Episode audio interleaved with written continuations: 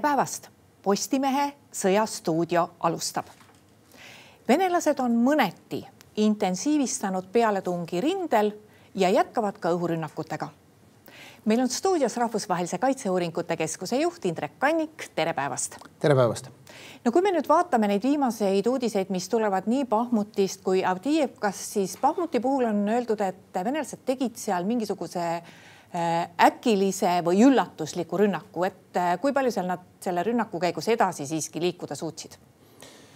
no on mingeid märke venelaste teatud edasiliikumist siit Bahmutist põhja pool, äh, kus Ukraina oli suve jooksul ka mingit territooriumit suutnud tagasi võita nüüd on osa omakorda venelased jälle sellest midagi tagasi võitnud, aga see ei ole midagi, mis oleks sellise strateegilise või isegi vist taktikalise tähendusega, et pigem on see kõik ikkagi operatiivse tähendusega praegusel hetkel.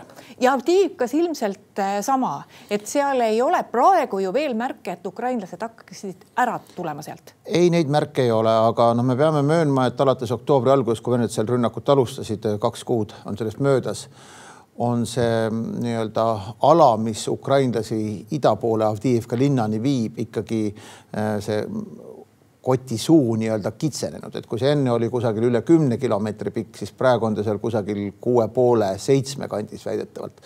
et noh, Vened on suutnud seda ikkagi vähendada ja kui see jõuab mingi kriitilise piirini, siis ei jää ukrainlastel muud üle, kui Avdiivkast välja tõmbuda, kuna kindlasti nad ei soovi seda, et nende üksused seal ümber piiratakse, et kas see nii läheb, ei oska ma praegu küll ennustada, et Ukraina viimastel nädalatel nagu olulist edasiliikumist venelastel pole olnud, et pigem toimus see ikkagi oktoobrikuu jooksul ja oktoobrikuu esimeste nädalate jooksul rünnaku alustamise ajal, kus nad seal teatud edu saavutasid. aga väga suured ja, ja pingelised lahingud jätkuvad.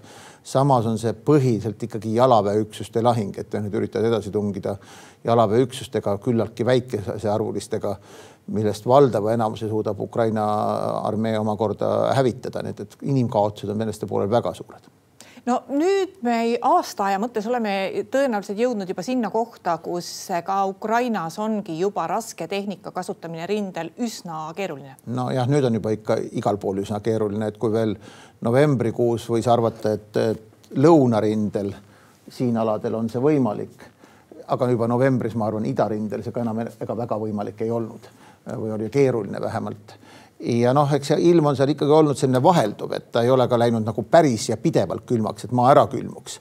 Ta on olnud, et vahepeal tuleb, lööb külma seitse-kaheksa kraadi miinusesse, siis tuleb jälle neli-viis kraadi plussi, mis tähendab, et see noh, mida see ikka tähendab, see tähendab seda, et maa muutub väga pehmeks, lögaseks, poriseks ja nii edasi ka möödunud ööpäev tõi kaasa õhurünnakuid, no Sumu oblastid venelased ründavad pidevalt ja, ja rünnakud olid ka Harkivi oblastis. et kui edukad venelaste jaoks need on, et või suudab Ukraina ikkagi suurema osa äh, nendest äh, õhurünnaku objektidest maha võtta? No see sõltub, millega venelased ründavad. Nende, nendes rünnakute puhul, mis toimuvad otse piiri ääres need on reeglina S kolmesaja relvastusega, neid rakette nad alla tulistada ei suuda. et see on seal, kus see lahingkontakt ja kus vened on lähedal ne,. Nende rünnakute puhul need enamus lähevad läbi, aga valdavas enamus on see muidugi lihtsalt selline inimeste terroriseerimise rünnakud, nendel pole tõsiseid eesmärke ei sõjalises mõttes ega isegi mitte infra, tsiviilinfrastruktuuri hävitamise mõttes kui nüüd rääkida šahheedide rünnakutest ja, ja raketirünnakutest, siis seal on Ukraina suutnud viimasel ajal noh, sellise seitsmekümne viie, kaheksakümne protsendise äh, ulatuvusega kõik Vene raketid või siis droonid alla lasta ja ka noh, ütleme need, mida nad ei suuda alla lasta, ei, ei taba kaugeltki alati planeeritud äh, sihtmärki, vaid võivad kukkuda üsna suvalises kohas alla. et jah, täna öösel oli siis jälle üle pika aja ka raketirünnak tõsisem aga ei kasutatud siis nagu Vene uuemaid rakette ega kaliibreid ega Iskandeere, vaid kasutati neid X numbrimärkidega erinevaid raketitüüpe. ja ka noh, nendest Ukraina enamus lasti all, laskis alla, et rünnak läks siis kahes suunas. osad raketid olid suunatud Kiievile ja teised raketid olid siis suunatud ähm, rindele lähemal äh, Dnipro oblastis ja siinkandis ja poolt Dnipro kanti eelkõige just olidki ja, ja Pavlogradi, mis on siit natuke ida pool, seal on ka tabamusi. viimaste nädalate rünnakutest üldiselt rääkides, Vened on põhiliselt keskendunud siia Kesk-Ukrainasse, Melnitskaja õnnetsa juurde ja seal on Ukraina lennuväe, sõjaväe lennuväljad, et see on olnud siis põhiline eesmärk, mida nad on üritanud tabada, aga teadaolevalt tulemusi seal ei ole olnud, et see on ka põhiliselt šahheedi rünnakud olnud ja nendega on Ukraina hakkama saanud. No kardetakse kõige rohkem, et tuleb massiivne rünnak või rünnakulaine Ukraina energiataristu vastu. no väga palju just selliseid uudiseid ei ole ukrainlased avaldanud, et see oleks juhtunud, küll on minu meelest üks paari päeva tagune aeg, kus nad ütlesid, et pihta sai üks soojuselektrijaam, mis on üsna rinde lähedal ja tegelikult tuli sellele kohe või sellele järgnes kohe ka üleskutse, et ukrainlased piiraksid oma energiatarbimist või elektritarbimist. ja eks see oht on olemas, et äh, kui me vaatame, millal Venemaa eelmine aasta alustasid äh, rünnakuid energiataristule, siis see oli ajalises mõttes juba palju varasemal hetkel, see hakkas oktoobri lõpus pihta, nüüd on juba poolteist kuud sellest mööda läinud, et tegelikult me võime öelda, et umbes kolmandik külmast äh, perioodist on venelaste poolt laias laastus maha magatud. et ähm, et mis selle põhjus võiks olla, et selliseid massiivseid rünnakuid ei ole alanud? no üks võimalus on see, et Venemaa nii-öelda väga teadlikult koguvad äh, rakette mingiks kõige külmemaks hetkeks. pigem ma arvan, et peamine põhjus on siiski selles, et rakette ei ole nii palju nagu eelmine aasta, et kui eelmine aasta nad alustasid kaheksakümne, üheksakümne raketiga need rünnakud toimusid iganädalaselt. oli ka kordi, kus oli üle saja raketi kasutati, siis praegusel hetkel ma arvan, et neil lihtsalt nii palju rakette ikkagi ei ole, et seda kasutada ja nad vaatavad väga hoolega, millele, kuhu rünnata ja nad peavad säilitama endal teatud varu muudeks operatsioonideks nii, nii Ukraina sõja jaoks kui ka strateegilise varu. et noh, kuigi Venemaa on palju rääkinud, et kuidas nad on kogu oma võimekused taastanud, siis ma arvan, selles on ka palju bluffi sees. ma ei usu, et nad oma raketivõimekust on taastanud eelmise aastaga võrdsel tasemel. Lisaks on Ukraina õhukaitse palju parem ja suudab efektiivsemalt neid alla lasta kui eelmisel aastal. Eh, kui palju teeb Ukraina jaoks eh, või Ukraina jaoks just murelikuks eh, see olukord, mis on just abi osas tulnud või see perspektiiv, mis abi osas on, sest praegu me ju ikkagi näeme, et see nääklemine USA kongressis kestab edasi ja, ja kui USA abi peaks katkema, see on väga halb, aga kui kaugel praegu ollakse sellest, et see USA abi Ukrainale katkeb? Ma alustan sellest, et et noh, see ongi tegelikult see nääklemine on kõige halvem, jah. Ukraina ei saavutanud suveks paigu-, mm, püstitatud eesmärke rindel, aga noh, seal ei ole ka midagi selles mõttes katastroofilist, et ega ka Venemaa ei ole edasi liikunud, rindel püsib, püsib enam-vähem see rindejoon, mis saavutati eelmiseks sügiseks, selle aasta jooksul on liikumised üliminimaalsed kokkuvõttes olnud. Aga see, kui peaks tekkima olukord, et Ukraina toetajad ei, ei toeta enam Ukrainat, eelkõige sisepoliitilistel põhjustel, siis see muidugi äh, toob üsna kiiresti, noh, mitte küll võib-olla nädalate ja kuudega, aga poole aasta perspektiivis kaasa olukorra ikkagi täieliku muutmise. kui me nüüd tuleme USA olukorra juurde, siis see patiseis kongressis on kestnud juba noh, poolteist kuud või isegi peaaegu kaks kuud, et äh, on erinevad arutelud, kuidas seda paketti menetleda.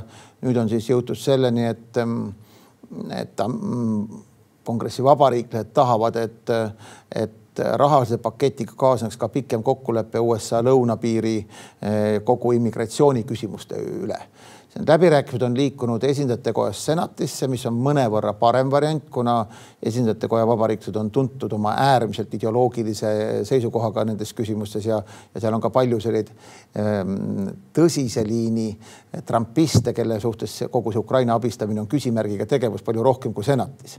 aga teadmata detaile, teadmata nüansse on väga raske ennustada, et eh, kas läbirääkimistel tegelikult püütaksegi jõuda ikkagi kompromissini, tõsise kompromissini või käib selline läbirääkimiste mängimine välja.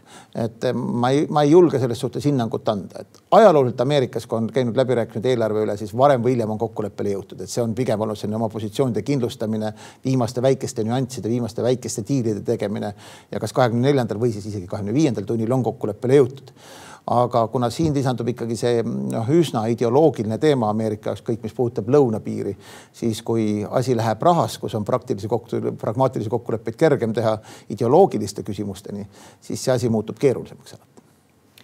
no Venemaa presidendivalimiste kuupäev on nüüd teada, täna me veel ei tea, ei ole vist ametlikult veel äh, Putin öelnud, et ta kandideerib presidendiks, aga noh, tõenäoliselt ta seda teeb. mitte tõenäoliselt, vaid kindlasti kandideerib. et äh, seoses sellesama presidendi valimise eelse perioodiga arvata võib, et need tahtmised rindel midagi näidata lähevad suuremaks, aga ma ei kujuta ette, kui palju on võimalik rindel neid juhtkonna ja Putini tahtmisi eh, täita, noh, eriti arvestades seda, et kaotused on praegu juba päevased, inimkaotused on ju peaaegu et viidud maksimumini. tahtmine on üks asi, reaalsus on teine asi, et, et no me ei tea ju lõpuni, kas Vened on pannud neid erinevaid kuupäevi, mida me meediast loeme, et selleks kuupäevaks tuleb see ära võtta või, või selleks kuupäevaks tuleb mingi teine koht ära võtta.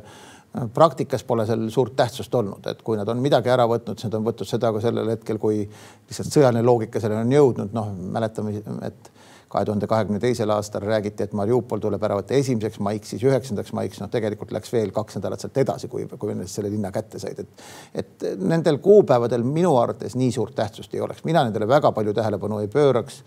Ma kardan, et ka Putin ei ole lõppkokkuvõttes nii rumal, et ta nõuaks oma armeelt täiesti ebaloomulike saavutuste saavutamist. et noh, küllap ta võib-olla, kui ta isegi sõja algul oli, siis tänaseks olukorraks on ta kindlasti nii palju õppinud, et ta saab aru, et ei ole mõtet nende kuupäevadega seda siduda, see oleks venelastele muidugi hea, Putinile hea, kui valimiste kuupäevaks oleks midagi suuremat näidata. aga arvestades kuidas Venemaal need valimised toimuvad, siis lõppkokkuvõttes see oma tähtsust, kaheksakümmend protsenti poolthääli tõenäoliselt vormistatakse talle nagunii seekord ära räägime natuke ka olukorrast eh, merel ja veel eriti sellisest eh, huvitavast uudisest, et Vene riigiduuma soovib kuulutada Aasovi mere Venemaa sisemereks. no ma ei tea küll, missugused tagajärjed, noh, eks nad, kui nad soovivad kuulutada, siis nad tõenäoliselt kuulutavad, aga, aga mis sellest muutub? no see on puhas selline info ja propaganda valdelt, rindelt info, sellest ei muutu midagi. praegusel hetkel ta on Venemaa sisemeri, kuna kõik kaldad on venelaste kontrollitud. kui Ukrainad jõuavad Aasovi mere äärde välja, siis ta ei ole enam Venemaa sisemeri jälle ja rahvusvahelise õiguse järgi ta ei saa kunagi Venemaa sisemereks, see on nagu täiesti selge. et äh, sellest ei muutu midagi. Mm, äh, see on lihtsalt propagandauudis. see on samasugune asi, nagu Vened annekteerisid vahepeal ära terve Hersoni oblasti ja terve Zaporožja oblasti. praktikas on nad kaotanud pärast seda osa nendest territooriumitest sest sel, ma ei pööraks sellele väga palju tähelepanu.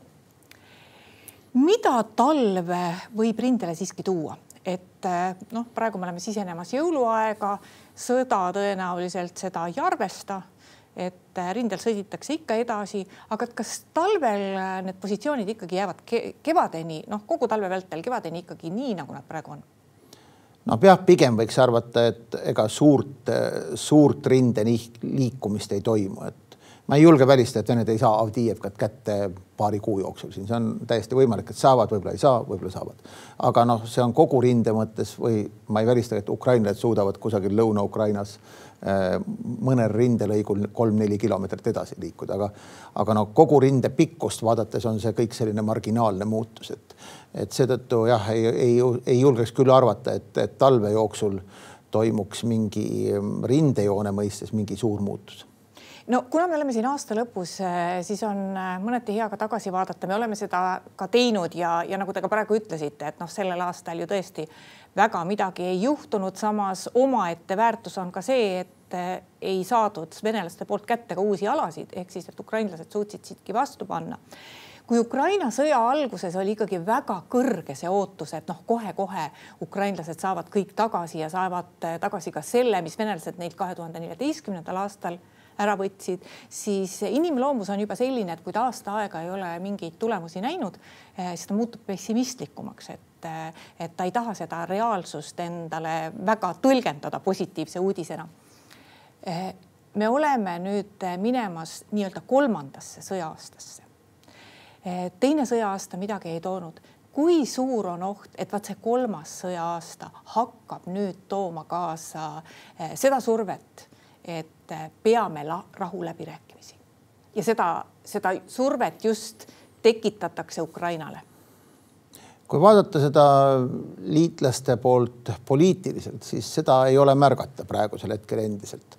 Äh, aga noh, kui see surve tuleb läbi selle, et Ukrainat enam ei toetata siis surve muidugi tekib ja, ja noh, siis muidugi Ukraina isegi kui mingid läbirääkimised tuleb, läheb nendesse läbirääkimistesse väga-väga nõrgalt positsioonilt, kuna ega veneline ei taha ju läbirääkimisi praegusel hetkel. selles mõttes selle surve tekkimise korral kõige rumalam on just seda survet avaldada sellele poolele, kes võib-olla isegi oleks valmis läbi rääkida, kui teine pool milleski oleks valmis läbi, läbi rääkima. Vened ei ole praegusel hetkel selgelt milleski läbirääkimisest huvitatud. ainuke, millest nad on huvitatud, on sisuliselt Ukraina tingimusteta alistumises. noh, võib-olla on seal teatud tingimused, et et äh, mingi kontroll kusagil Ukraina läänealade üle võib jääda, aga noh, see on täiesti absoluutselt vastuvõetamatud tingimused. nüüd endiselt ei ole seda pinnast läbirääkimist, kumbki pool ei ole olukorraga rahul, kumbki pool ei ole valmis seda aktsepteerima.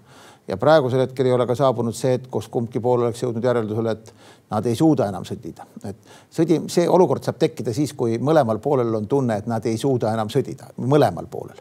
ja kui ühel poolel on tunne, et nad ei suuda sõdida, siis ja teisel poolel on tunne, et nad suudavad sõdida, siis see asi muutub, siis tõsiseid läbirääkimisi ikkagi ei tule. Eh, räägime lõpetuseks ka natuke olukorrast Gazas, et eh, kus eh, või, või mis maal praegu selle konfliktiga ollakse, et ma saan aru, et kõige suurem soov Iisraelil on kätte saada ikkagi need Hamasi juhid. Eh, väidetavalt mõned neist on kätte saadud ja, ja mõnede puhul ollakse kohe neid kätte saamas, aga mis seal toimub? no Iisrael on ise väitnud, et umbes pooled juhtidest on kas kätte saadud või hävitatud. ma pakun, et teisest poolest veel umbes pooled on suutnud Gazast jalga lasta ühel või teisel moel selle, selle konflikti ajal. Mm, no Iisrael on saavutanud suhteliselt terviklikku kontrolli Gaza põhjaosa üle, seal on kindlasti veel noh, mingeid punkte olemas, kus mingi vastupanutegevus jätkub. Iisrael püüab, aga juba natuke teise taktikaga saada kontrolli ka Gaza lõunaosa üle. tundub, et seal nii massiivseid õhulööke ei plaanita anda, vähemalt praeguse seisuga, nagu tehti Gaza põhjaosas. ja vaid püütakse nii-öelda hankida infot, kus Hamasi võimalikud liidrid on ja siis üsna täpselt tabada neid kohti ma arvan, et see maismaaoperatsiooni see faas, nüüd see on ka juba peaaegu kaks kuud kestnud, hakkab tasapisi lõpule lähenema, et ähm, kas ta võtab veel kuu või poolteist, ma ei julge hinnata, aga ma arvan, et äh, konflikti kõige, kõige nii-öelda aktiivsem faas on kas lõppenud või lõppemaas.